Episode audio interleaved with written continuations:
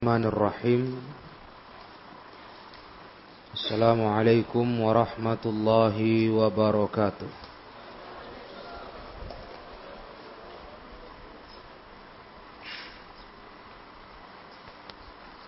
إن الحمد لله نحمده ونستعينه ونستغفره ونعوذ بالله من شرور أنفسنا ومن سيئات أعمالنا من يهده الله فلا مضل له ومن يضلل فلا هادي له أشهد أن لا إله إلا الله وحده لا شريك له وأشهد أن محمدا عبده ورسوله يا أيها الذين آمنوا اتقوا الله حق تقاته ولا تموتن إلا وأنتم مسلمون يا أيها الناس اتقوا ربكم الذي خلقكم من نفس واحدة وخلق منها زوجها وبث منهما رجالا كثيرا ونساء واتقوا الله الذي تساءلون به والأرحام إن الله كان عليكم رقيبا. يا أيها الذين آمنوا اتقوا الله وقولوا قولا سديدا. يصلح لكم أعمالكم ويغفر لكم ذنوبكم. ومن يطع الله ورسوله فقد فاز فوزا عظيما. فإن أصدق الحديث كتاب الله وخير الهدى هدى رسول الله صلى الله عليه وسلم وشر الأمور محدثاتها فإن كل محدثة بدعة وكل بدعة ضلالة وكل ضلالة في النار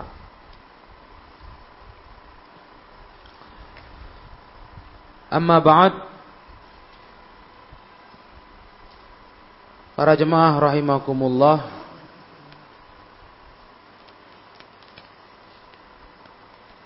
Lanjutan kajian surah At-Taubah. Kita akan masuk ke ayat 79 Dan masih melanjutkan. Masih meneruskan tentang tingkah laku kaum munafikin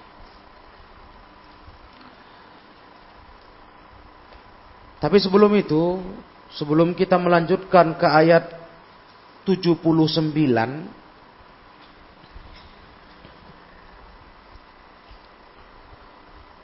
Pada kajian yang lalu ketika kita membaca dalam tafsir ayat sebelumnya tepatnya tafsir ayat 78 Al-Syekh Abdurrahman bin Nasir As-Sa'di membawakan kisah Sa'labah. Sebenarnya kisah ini para ikhwah sudah sangat terkenal kelemahan riwayatnya. Dan saya sudah singgung. Adalah kesalahan orang menganggap riwayat Sa'labah sebagai bukti tidak semua sahabat Nabi itu baik. Saya sudah tegaskan itu. Tapi berhubung di dalam tafsir ayat 78 Syekh As-Sa'di menyebutkan bahwa Sa'labah yang dimaksud ini adalah kata beliau fi rajulin minal munafiqin.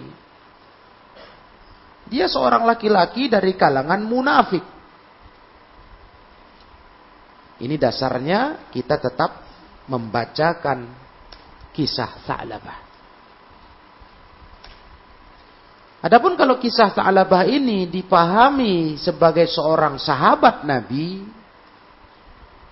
maka riwayatnya dhaif. Riwayatnya jelas lemah.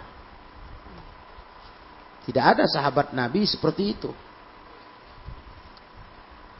Sedangkan ketika Ta'labah dalam tafsir As-Sa'di disebut beliau salah seorang laki-laki munafik, maka amanlah.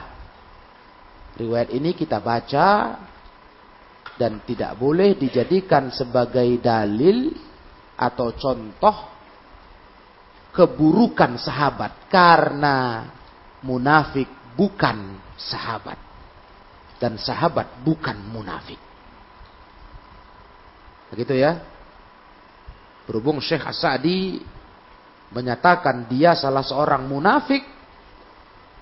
Maka tidak masalah riwayat ini kita baca untuk jadi contoh model orang-orang yang mereka semula bersumpah kepada Allah kalau Allah beri rizki akan bersodakoh, akan jadi orang soleh, tapi setelah Allah buka rizkinya, para ikhwah sudah lihat apa yang terjadi. Dia pun melupakan janjinya. Dia pun meninggalkan rumah Allah.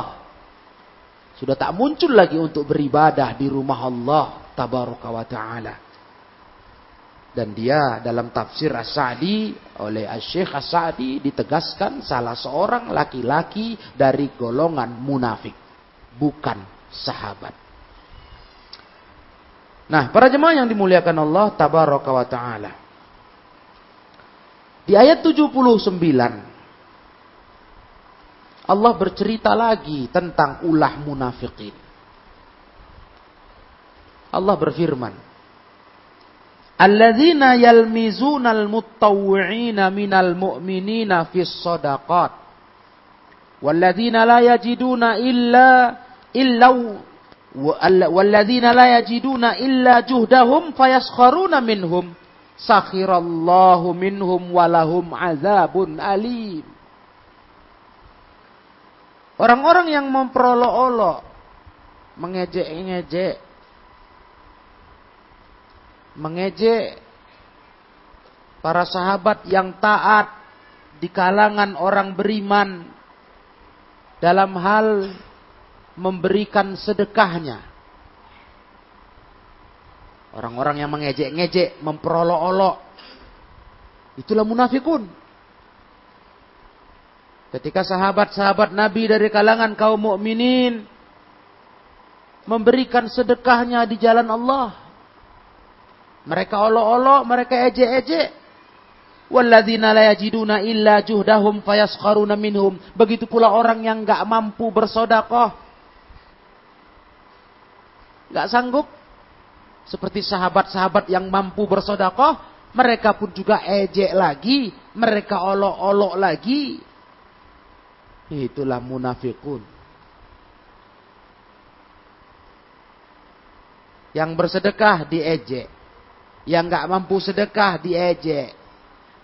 Maka para ikhwah yang mulia, sakhirallahu minhum, Allah yang akan memperolok-olok mereka kaum munafikin itu. Walahum azabun alim. Dan untuk mereka dijanjikan Allah azab yang pedih. Di ayat ini para jemaah yang saya muliakan. Ini termasuk kata Syekh As-Sa'di min makhazil munafiqin. Ini termasuk kerendahan sikap sifat orang munafik. Termasuk ini kehinaan sifat mereka. Qabbahahumullah, semoga Allah jelekkan mereka. La yad la yad'un la yad'una syai'an min umuril Islam wal muslimin mereka tidak meninggalkan sedikit pun dari urusan umat Islam dan kaum muslimin yarawna lahum maqalan illa qalu wa ta'anu baghyaw wa udwana. Mereka tidak biarkan sedikit pun urusan umat Islam ini yang mereka memandang ada celah untuk mereka bisa mengomentarinya pasti mereka akan bicara akan mencela dengan penuh permusuhan, dengan penuh perlawanan. Jadi munafik itu, ikhwan. Itu terus mengintai, menyenter. Apa yang bisa di, dikomentari dari orang-orang Islam? Apa yang bisa jadi, dijadikan bahan untuk hujatan, ejekan, terus makol cari celah. Bisa kita bayangkan kalau kita mencari celah pada hidup seseorang, cari kelemahan, cari kekurangan, kira-kira bagaimana ya? Berhasil tidak? Selalu berhasil. Karena apa? Karena manusia ini tempatnya kurang, tempatnya khilaf, tempatnya salah. Ini kerjaan yang paling sukses. Cari-cari celah, cari-cari kekurangan, yang bisa dikomentari dijadikan bahan hujatan. Luar biasa. Jeleknya tingkah munafikun. Nggak pernah mau diam. Membiarkan umat Islam berjalan tenang. Nggak, tapi terus menyenter, cari celah untuk dikomentari, untuk dihujat. Falamma hasallahu wa rasuluhu ala sadaqati badarul muslimuna ila dhalik maka ketika Allah menganjurkan, Rasul pun menganjurkan umat Islam untuk bersodakoh. Kaum muslimin pun bersegera. Bersegera, itu sifat orang beriman. Bersemangat untuk bersedekah. Melihat itu para ikhwah. Wabadalu min amwalihim kulla ala has, kullun ala hasbi halih. Setiap kaum muslimin itu menyalurkan, memberikan hartanya. Setiap orang tergantung kemampuan masing-masing. Jadi ketika datang perintah, umat Islam menyambut antusias. Perintah bersodakoh. Tentu tiap orang kan nggak sama para ikhwah, nggak sama rezekinya, nggak sama uangnya. Jadi semua masing-masing memberi dengan kemampuan yang ada. Nah, ikhwanifiddin, Minhumul muktir wa minhumul mukil. Ada yang banyak, ada yang sedikit tentunya. Yang pasti mereka semua bersedekah. Melihat kondisi yang seperti itu, ikhwah. Orang munafikin yang kita kenal paling bakhil. Paling gak mau memberikan hartanya di jalan Allah. Melihat antusiasnya umat Islam mengeluarkan hartanya ada yang banyak, ada yang sedikit tergantung kemampuan. Fayal mizunal muktir minhum bi an qasdahu bi nafaqatihi wasum'ah. Coba lihat. Mereka ejek-ejek yang memberi banyak, sedekahnya banyak. Apa kata mereka? Oh itu niatnya, dia memberikan sedekah itu, ria itu. Nah. Itu ria, itu sum'ah, ingin didengar orang. Itu komentar mereka ke orang-orang dari kalangan para sahabat Nabi, kaum mukminin yang bersedekah banyak. Dikomentari di belakang ikhwah, bisik-bisik, ah itu si fulan, si alan. Itu enggak ikhlas, itu ria. Ketika mereka mengomentari yang mukillil mukillil fakir, yang sedikit, yang miskin, bisa bersedekah pun sedikit. Apa kata mereka? Innallaha ghaniyun an sadaqati hadza. Kata mereka apa? Ah, Allah tak butuh untuk untuk nerima sedekah cuma segini. Coba. Kan hebat betul ini, ya, Jadi bersedekah banyak salah, sedikit salah di mata munafik. Nah, ini makanya ikhwan fiddin. Ada pembelajaran yang saya rasakan dalam ayat ini. Ini yang saya rasakan. Beginilah hidup kalau kita mikir cakap orang. Apa gak pusing kita? Ah, dalam bab sedekah contohnya.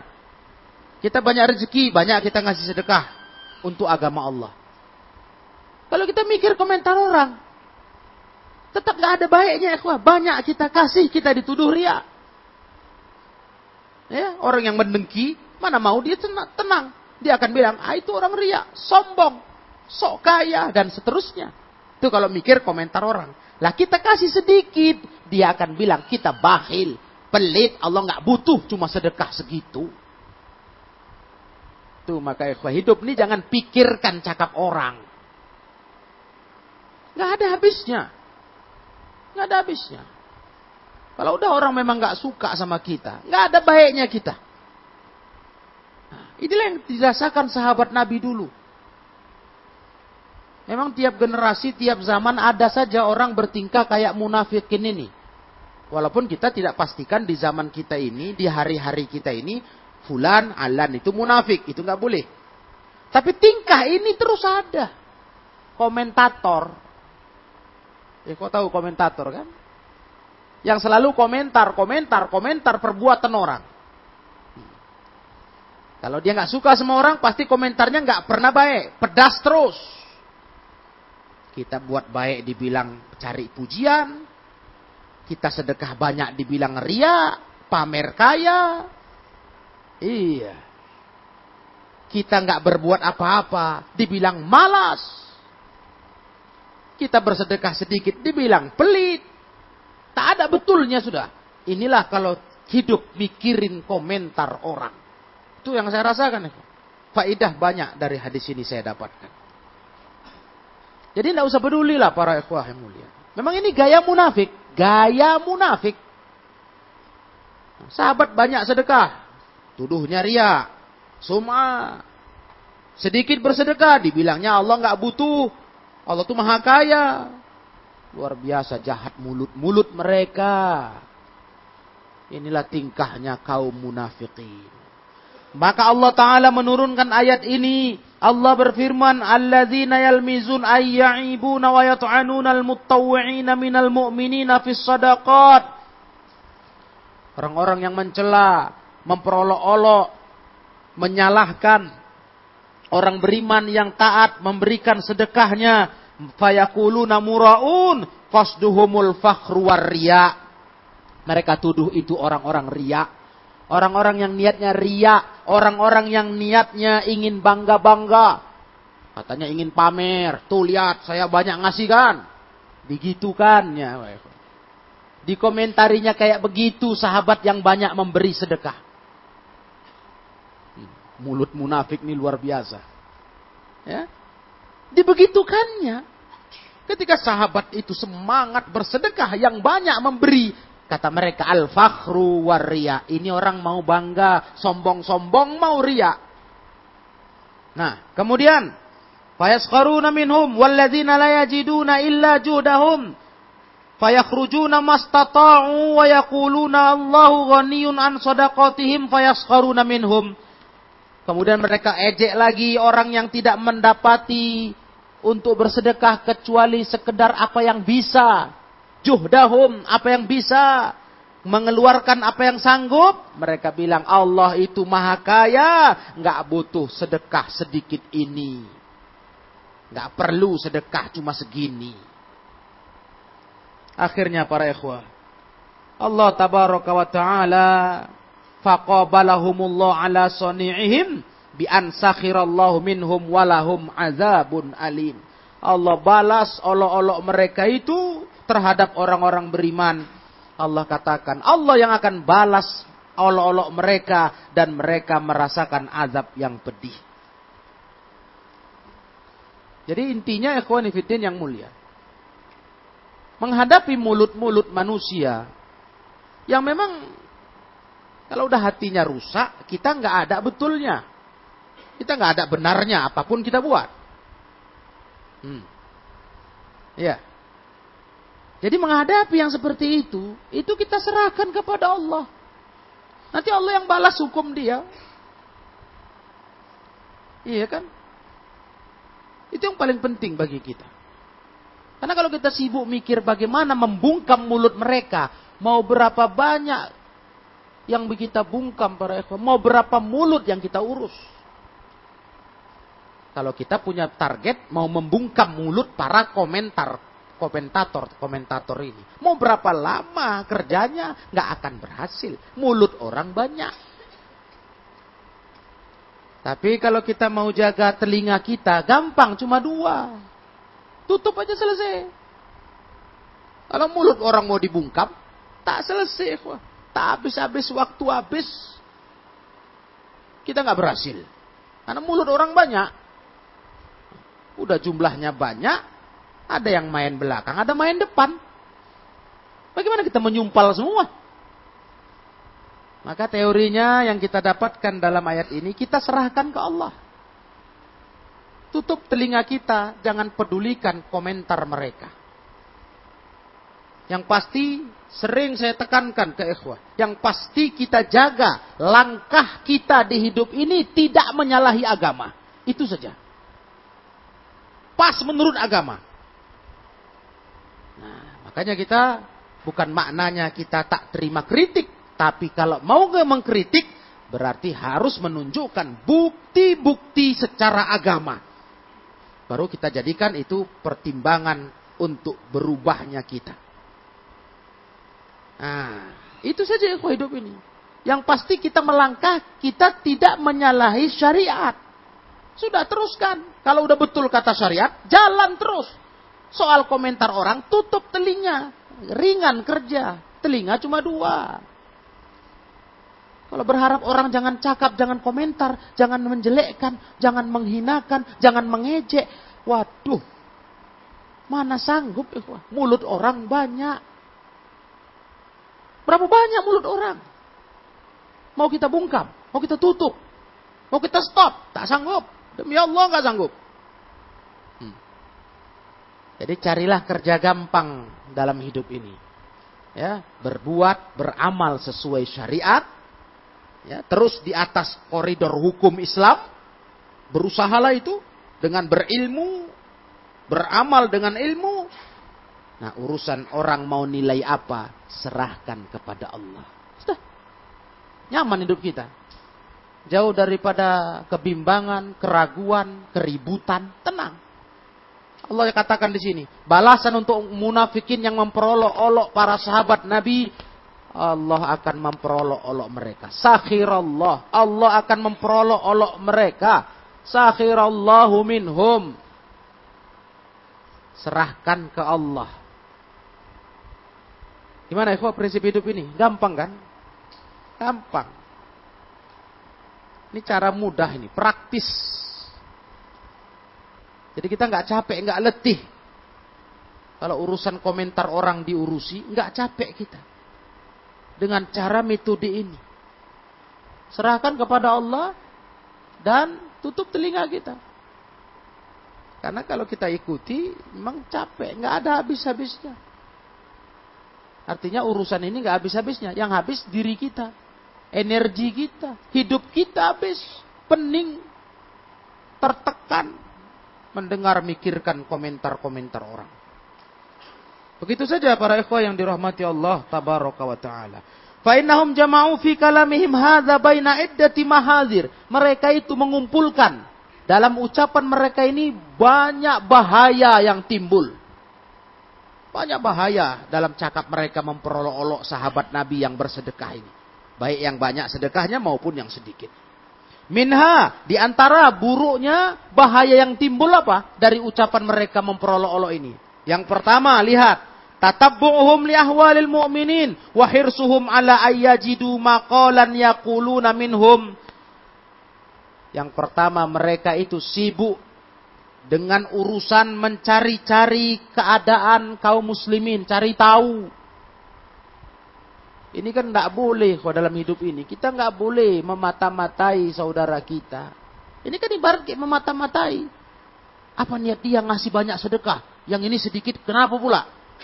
Nah ini nggak boleh para jemaah yang mulia. Dan mereka begitu semangat untuk mencari celah.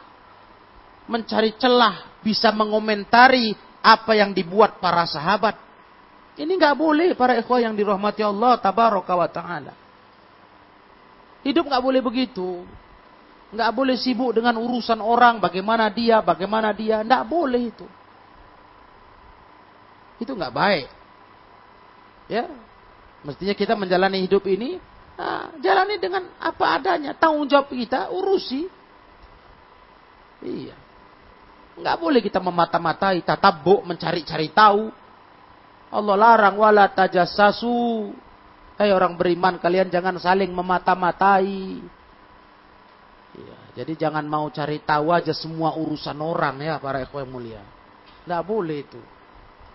Itu dilarang agama. Dan inilah yang akan terjadi atas ulahnya mulut munafikin itu. Dan Allah Ta'ala berfirman, mengingatkan ulah ini, Innal yuhibbuna an tasyi'al fahishatu fil ladzina amanu lahum azabun alim. Sesungguhnya orang-orang yang mereka suka tersebarnya cerita atau berita keji di tengah-tengah orang beriman. Ah, suka ngorek-ngorek aib, ngorek-ngorek cerita jelek, senang tersebar di tengah kaum mukminin. Fulan tuh begini, fulan tuh begitu. Allah ancam orang-orang itu kata Allah akan merasakan azab yang pedih. Lahum azabun alim. Lagi pula kalau kita jujur ya para jemaah yang saya muliakan. Untungnya apa ya? Gak ada lah. Hidup kalau diisi sibuk cari tahu orang ini fulan gimana, si Anu bagaimana, si Alanah kayak apa. Untungnya apa? Andai kata kita dapat, karena kita memang menyenter terus. Untungnya apa? Kalau jujur kita mau merenung diri, nggak ada untungnya. Nggak ada untungnya sama sekali. Nah, yang ada kita dosa. Karena andai kata yang kita cari-cari pada diri saudara kita kaum mukminin ini, saudara kita seagama, seakidah ini aib baginya, dan kita senang itu tersebar di umat manusia, ah ini ngeri ancamannya, azab Allah nanti. Jadi nggak ada untung. Yang jelas sekarang itu, yang jelas hidup nih, yang pasti membawa untung dunia akhirat. Urus diri kita. Urus tanggung jawab kita. Iya. Urus, urus ketaatan kita, urus dosa-dosa kita untuk cepat tobat. Itu yang jelas untungnya. Karena kalau itu kita jalani dengan benar, sesuai aturannya, dunia bahagia, akhirat lebih lagi. Yakinlah itu. Karena itu kita bawa mati. Adapun berita-berita katanya-katanya tentang fulan dan alan ini nggak ada untungnya. Dan inilah tingkah kaum munafikin. Suka betul menebar cerita-cerita buruk tentang orang Islam di tengah manusia. Mereka suka itu. Ya, senang mereka dan Allah ancam mereka mendapat azab yang pedih. Ini salah satu dari keburukan atas tingkah ucapan munafik yang disebutkan tadi. Kemudian yang berikutnya lagi, bahaya berikutnya, ta'nuhum bil mu'minina li ajli imanihim kufrun billahi ta'ala wa bughdun lid-din. Celaan mereka kepada orang beriman karena orang beriman itu beriman kepada Allah. Jadi ketika seseorang menikam orang beriman, menyerang, karena nggak senang lihat orang beriman itu beriman. Ini perbuatan kufur kepada Allah dan perbuatan membenci agama. Iya. Itu makanya ikhwah. Sangat banyak nasihat para ulama dari salaf. Riwayat asar. Ya. Riwayat asar yang membimbing kita, mengajak kita kaum muslimin untuk saling mencintai sesama kaum muslimin. Mencintai sesama umat Islam. Bahkan para ikhwah yang dirahmati Allah tabaraka wa taala diajarkan kepada kita oleh para ulama supaya kita mencintai ahlul ilm. Mencintai orang yang berilmu, orang yang lebih dekat kepada Allah dari kita. Hmm. Kalaupun kita nggak bisa mencapai tingkat mereka, derajat mereka, cukup cintai mereka. Dan kalaupun tidak bisa mencintai mereka, mungkin mana tahu Disuruh mencintai pun tidak bisa.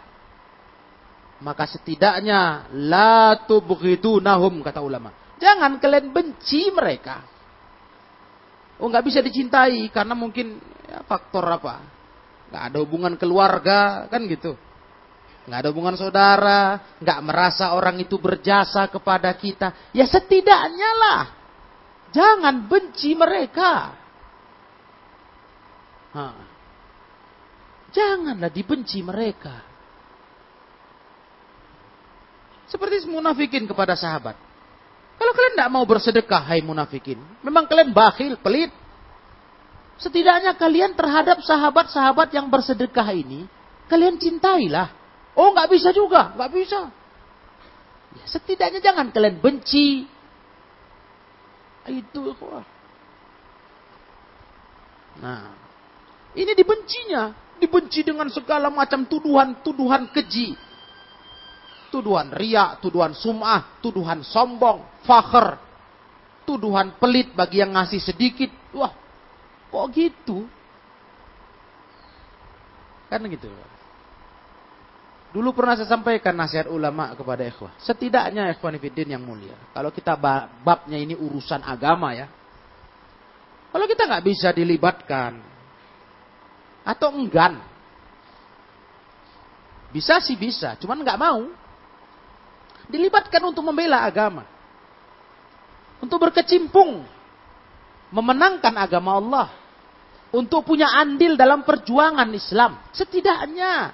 Nggak bisa dilibatkan. Atau nggak mau dilibatkan. Setidaknya janganlah merusuhi. Jangan membuat kacau suasana.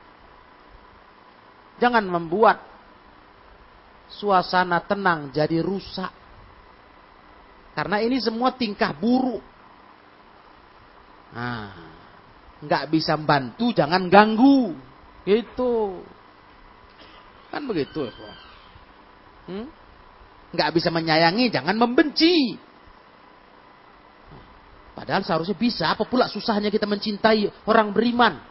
Orang yang lebih unggul dari kita dalam hal ilmu, dalam hal amal, dalam hal ketakwaan, tapi kenapa para jemaah yang mulia? Sepertinya memang susah kali. Munafikun. Masuk apa masalahnya? Kok ribut kali dengan sahabat yang bersedekah? Sibuk kali komentar-komentar. Nah, itulah. Jiwa itu kalau rusak begitu.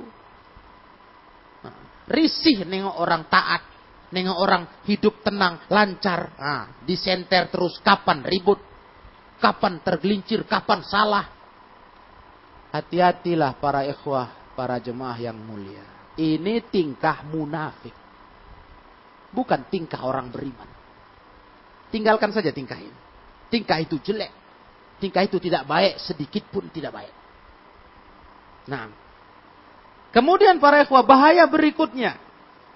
Wa minha anna lamza muharram bal huwa min kabairiz dzunub fi umurid dunya. Wa amal lamzu fi amri ta'ah fa akbah wa akbah. Yang namanya memperolok-olok itu haram. Itu haram. Bahkan termasuk termasuk dari dosa-dosa besar. Ngejek-ngejek. Mencemooh. Itu haram. Ikhwah. Itu termasuk dari dosa-dosa besar dalam urusan dunia. Apalagi dalam urusan ketaatan agama. Kok diolok-olok, diejek-ejek. Ini lebih buruk lagi. Lebih buruk lagi. Kita urusan dunia saja kita ejek-ejek kawan. Itu udah haram. Kita olok-olok dia. Lah bagaimana urusan ketaatan agama kawan kita? Yang dia sudah sanggup untuk berbuat taat. Kok itu pula kita komentari negatif. Kita komentari buruk. Allah dia itu kan, dia itu kan. Nah inilah kita. Bukan malah merasa merasa terdorong. Merasa kagum dia bisa gitu ya. Saya kok enggak.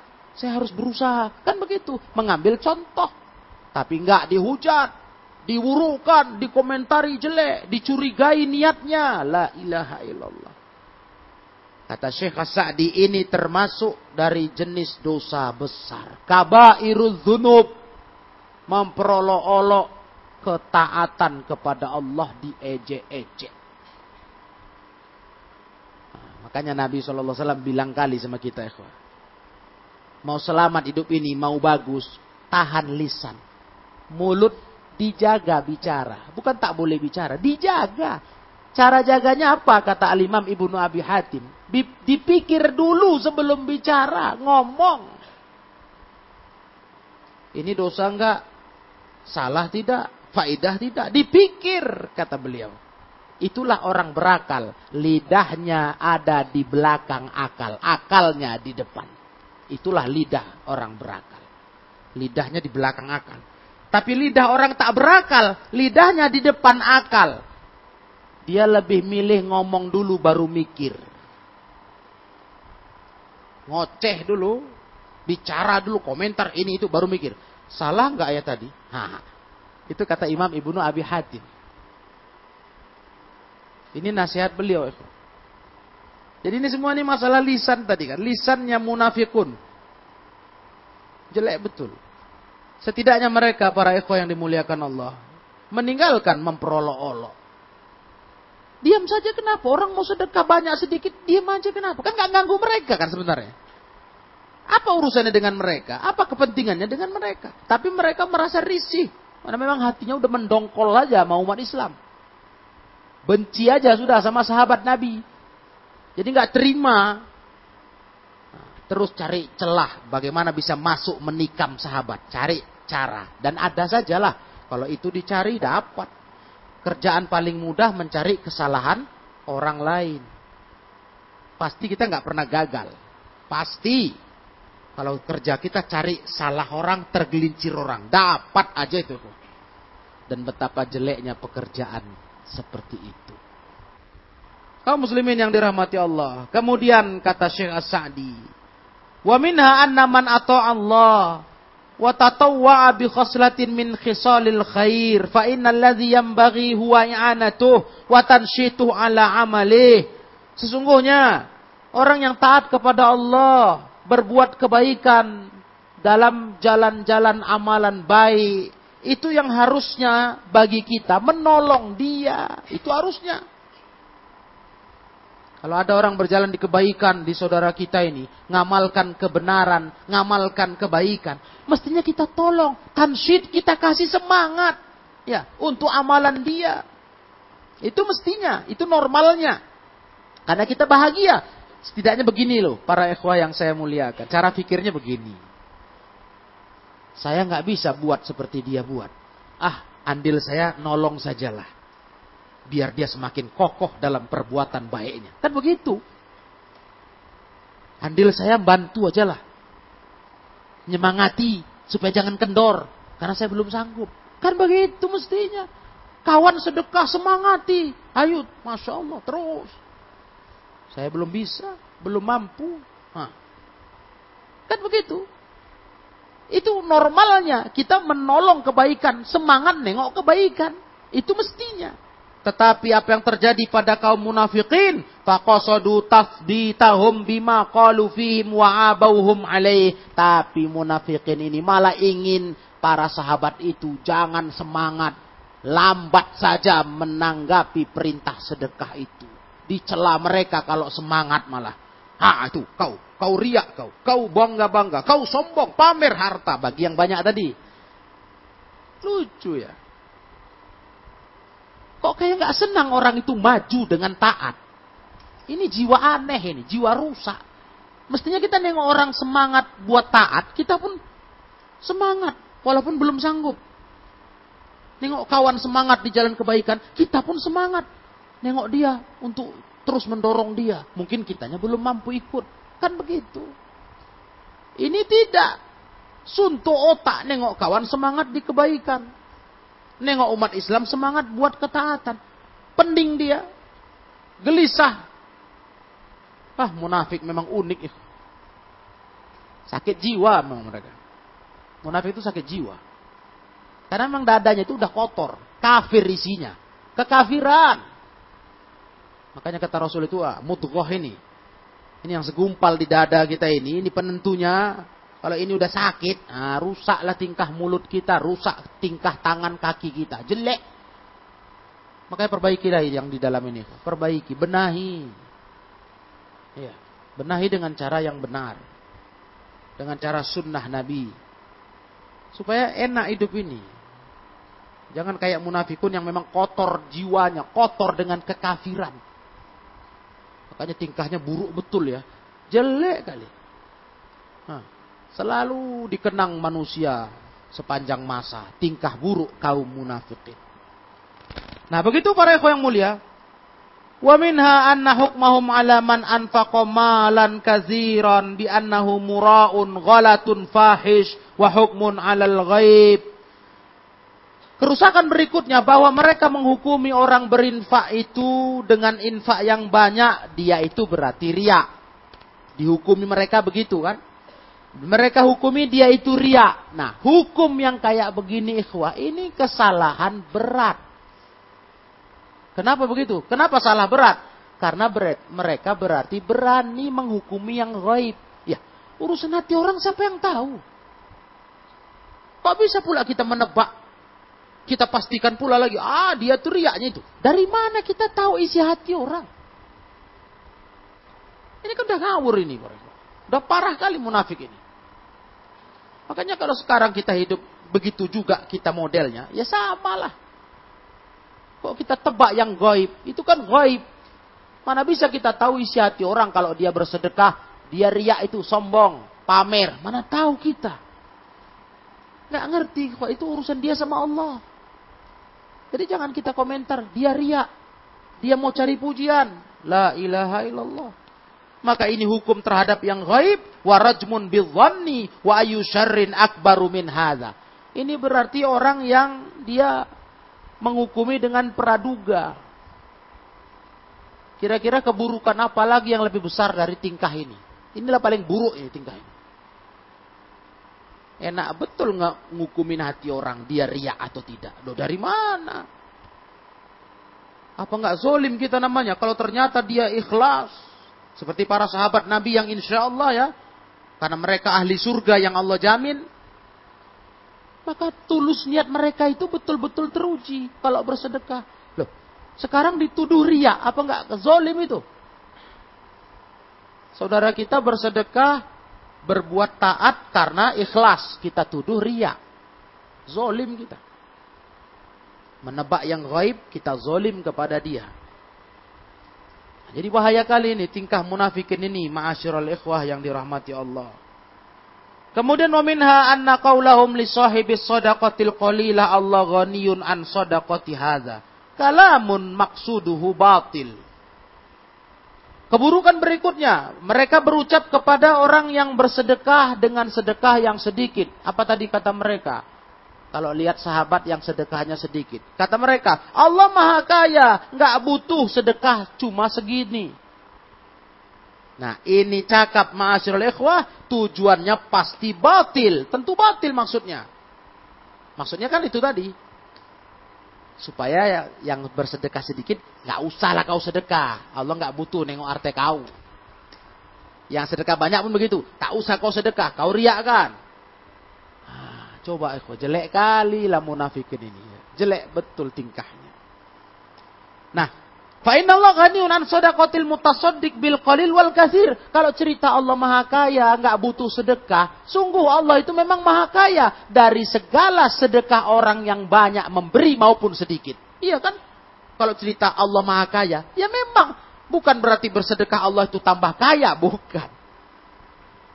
Oh Allah lebih kaya kalau kita bersedekah. Bukan, ikhwah. Allah itu maha kaya. Mau sedekah, mau tidak. Mau sedikit, mau banyak.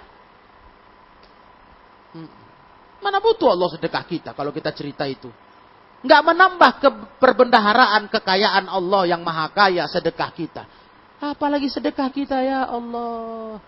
Sebanyak-banyak kita bersedekah baru berapa persen dari rizki yang Allah Ta'ala miliki untuk dunia seisinya. Hah, kalau cerita Allah itu maha kaya, nggak butuh sedekah, ya memang iya. Cuma kenapa dikhususkan kepada yang sedekah sedikit? Nah, ini pula dia jahatnya. Nah, inilah bahaya mulut mereka para ekor yang mulia. Bal wa ghaniyun an ahli samawati wal ardi walakinnahu ta'ala amarul ibad bima hum muftaqiruna ilaih. Allah bahkan maha kaya dari seluruh isi langit bumi. Allah nggak butuh ini semua. Apalah cuma sedekah berapa perak kata kita, ya kan? Walaupun sedekahnya itu banyak, Ya. Allah memang nggak butuh. Bukan hanya sedekah sedikit yang Allah nggak butuh. Semua sedekah Allah nggak butuh. Bahkan langit bumi ini Allah nggak butuh. Allah maha kaya. Nah, dan para ikhwan yang dimuliakan Allah, Allah tujuannya nyuruh kita sedekah apa? Karena yang butuh sedekah itu kita. Kita yang butuh. Butuh mencari ridho Allah, butuh mensyukuri nikmat Allah. Kita yang butuh, bukan Allah yang butuh. Allah kasih kita jalan macam mana cara syukur nikmat. Nah, salah satunya bersedekah. Cara kita membalas nikmat Allah, caranya bersedekah. Cara kita meraih ridho Allah melalui sedekah, kan begitu. Yang butuh kita.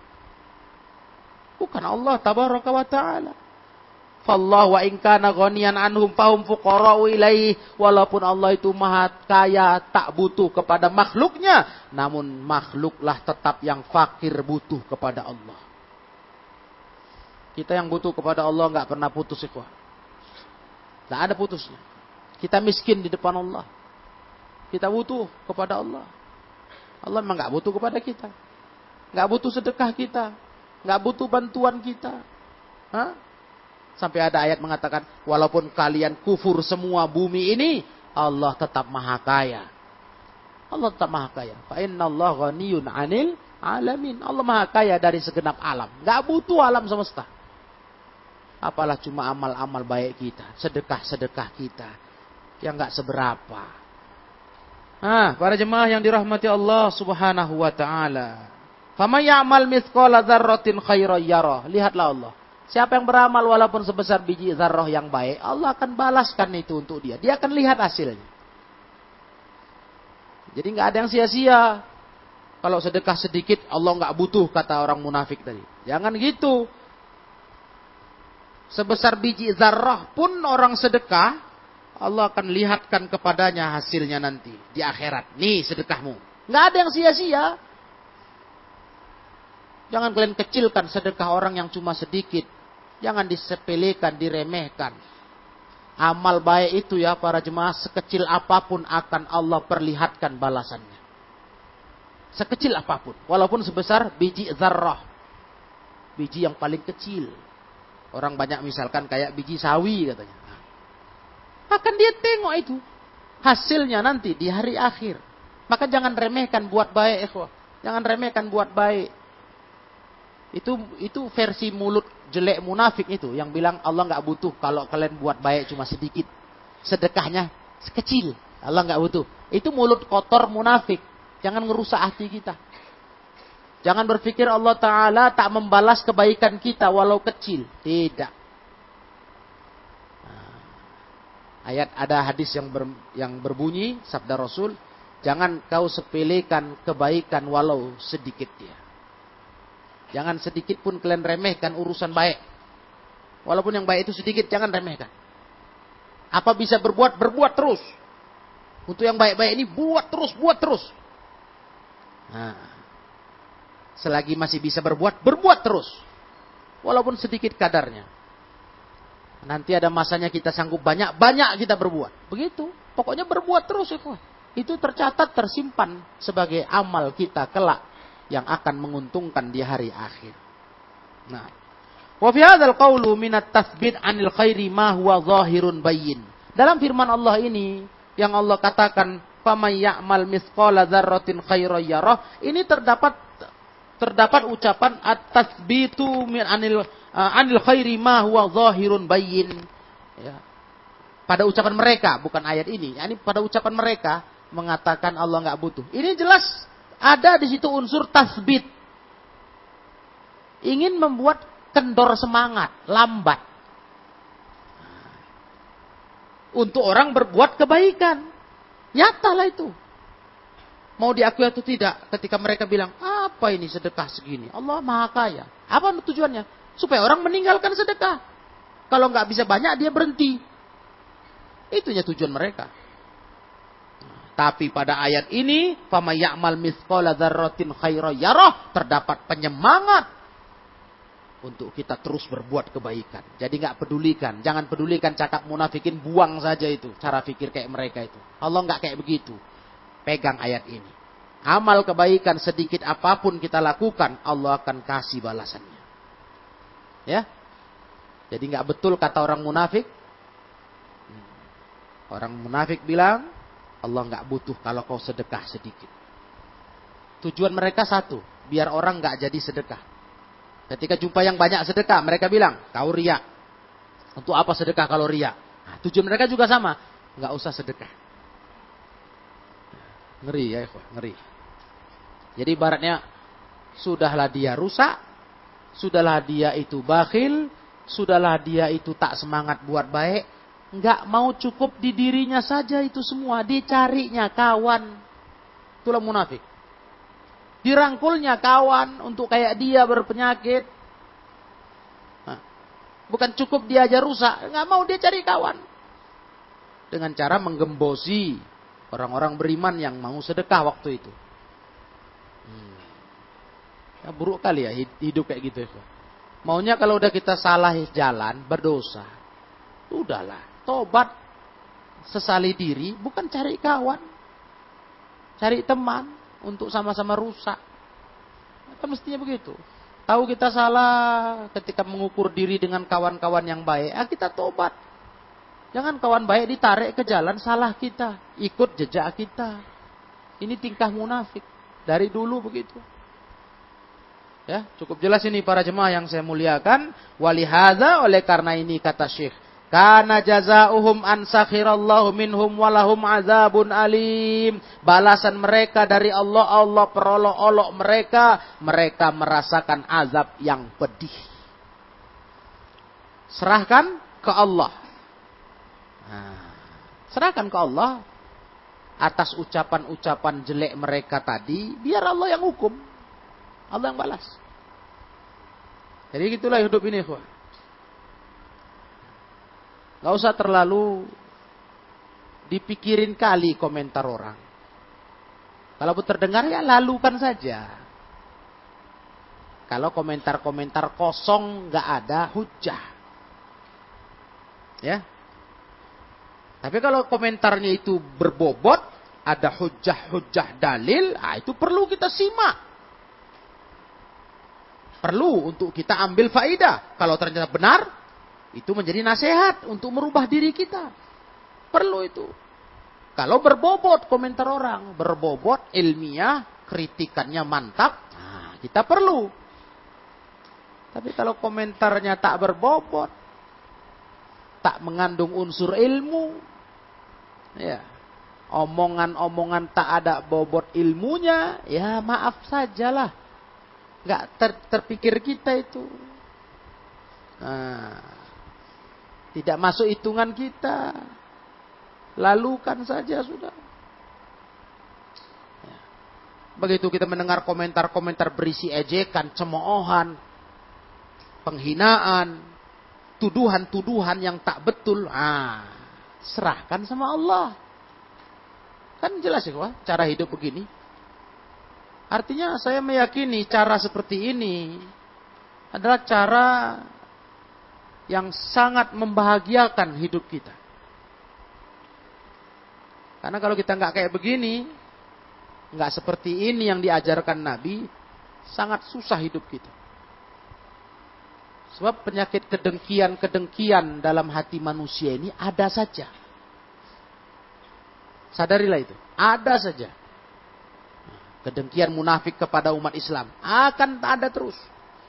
Kedengkian orang-orang jahat terhadap orang baik ada terus. Nggak berhenti itu. Dan ini yang mendorong mereka bersikap dengan sikap-sikap jelek terhadap orang baik. Kedengkian ini. Bagaimana ngadapinya? Serahkan kepada Allah. Ya. Yang pasti kita jalan dengan sesuai syariat, landasan agama, dalil-dalil. Tapi kalau ada kritikan berbobot sampai ke kita, perhatikanlah, kajilah. Kita butuh nasihat. Kita bukan keras kepala. Tapi kita butuh nasihat yang berbobot ilmu. Kita hargai, kita junjung tinggi. Kalau yang disampaikan kepada kita adalah ilmu sesuai qala Allah wa qala Rasulu fa'ala ra'si wal aini kata Imam Abu Hanifah. Di atas kepalaku tempatnya, ku junjung tinggi. Hmm, itu kita. Tapi kalau cuma komentar menurut saya, ah, aduh, maunya begini dia, maunya begitu, maaf, afwan jiddan. Kami Bagaimana kalau mau ngomentari begini? Bagaimana mau dengar begini? Ini andai kata ikhwah, kita ya sudahlah, kita dengar. Kira-kira selesai urusannya? Tidak. Ini baru satu yang minta kita berubah dengan cara fikir menurut dia. Bagaimana yang sana, yang situ, yang sini. Berapa banyak orang akan juga punya pandangan. Apa enggak goyang kita, bingung, linglung. Hah. Ya bingunglah kita. Makanya kalau ibaratnya supir tuh sudah ada panduannya, ikuti. Kalau didengar penumpang, mau ke mana kita bawa kendaraan? Yang satu bilang kiri yang enak, kanan yang enak, berhenti yang enak, pening lah. Yang pasti kita sebagai yang bawa kendaraan, supir itu punya panduan. Ada rambu, ada petunjuk. Kan begitu. Ikuti aja selesai. Didengar apa kata orang. Aduh. Enaknya begini, enaknya begitu. Wah, pening kita. Hah. Kenapa apa? Kadang ada orang minta enaknya itu masih masih cocok lah, masih normal lah dalam urusan dunia. Enaknya berhenti ya masih oke. Okay. Bukan nggak mungkin ada orang enaknya masuk jurang. Loh, kenapa? Iko bilang nggak mungkin gitu. Ada orang udah putus asa deh hidup. Enaknya masuk jurang nih Pak Supir. Nah, itu antum ikuti. Masih mending dia bilang enaknya Pak Supir agak kencang, masih enak, masih normal permintaannya. Enaknya minggir, ngopi dulu, masih oke. Okay. Lah sempat enaknya masuk jurang. Aja begitu. Jadi tolong ya, tolong ya. Biar enak hidup kita, kita ambil pelajaran kisah-kisah ini. Inilah yang Allah ajarkan kita ngadapin munafikin. Di zaman dulu itu. Nah sekarang gini, pola hidup ginilah kita tegakkan. Komentar orang biar aja lah sudah. Nggak usah sibuk kali mengharap mulut orang berhenti. Nggak, ber, nggak capek, nggak, nggak tercapai itu. Capek kita ngurus itu. Mulut orang banyak. Yang paling gampang tutup telinga kita karena cuma dua. Pas dengan dua jumlah tangan. Selesai? Urusan mereka terus komentar serahkan ke Allah. Dengan tetap kita berprinsip. Kalau itu berupa komentar di atas dalil berupa komentar di atas hujah, kita sangat butuh dan sangat suka untuk berubah dengan dalil. Gitu. Itu jalan hidup yang sangat nikmat insya Allah.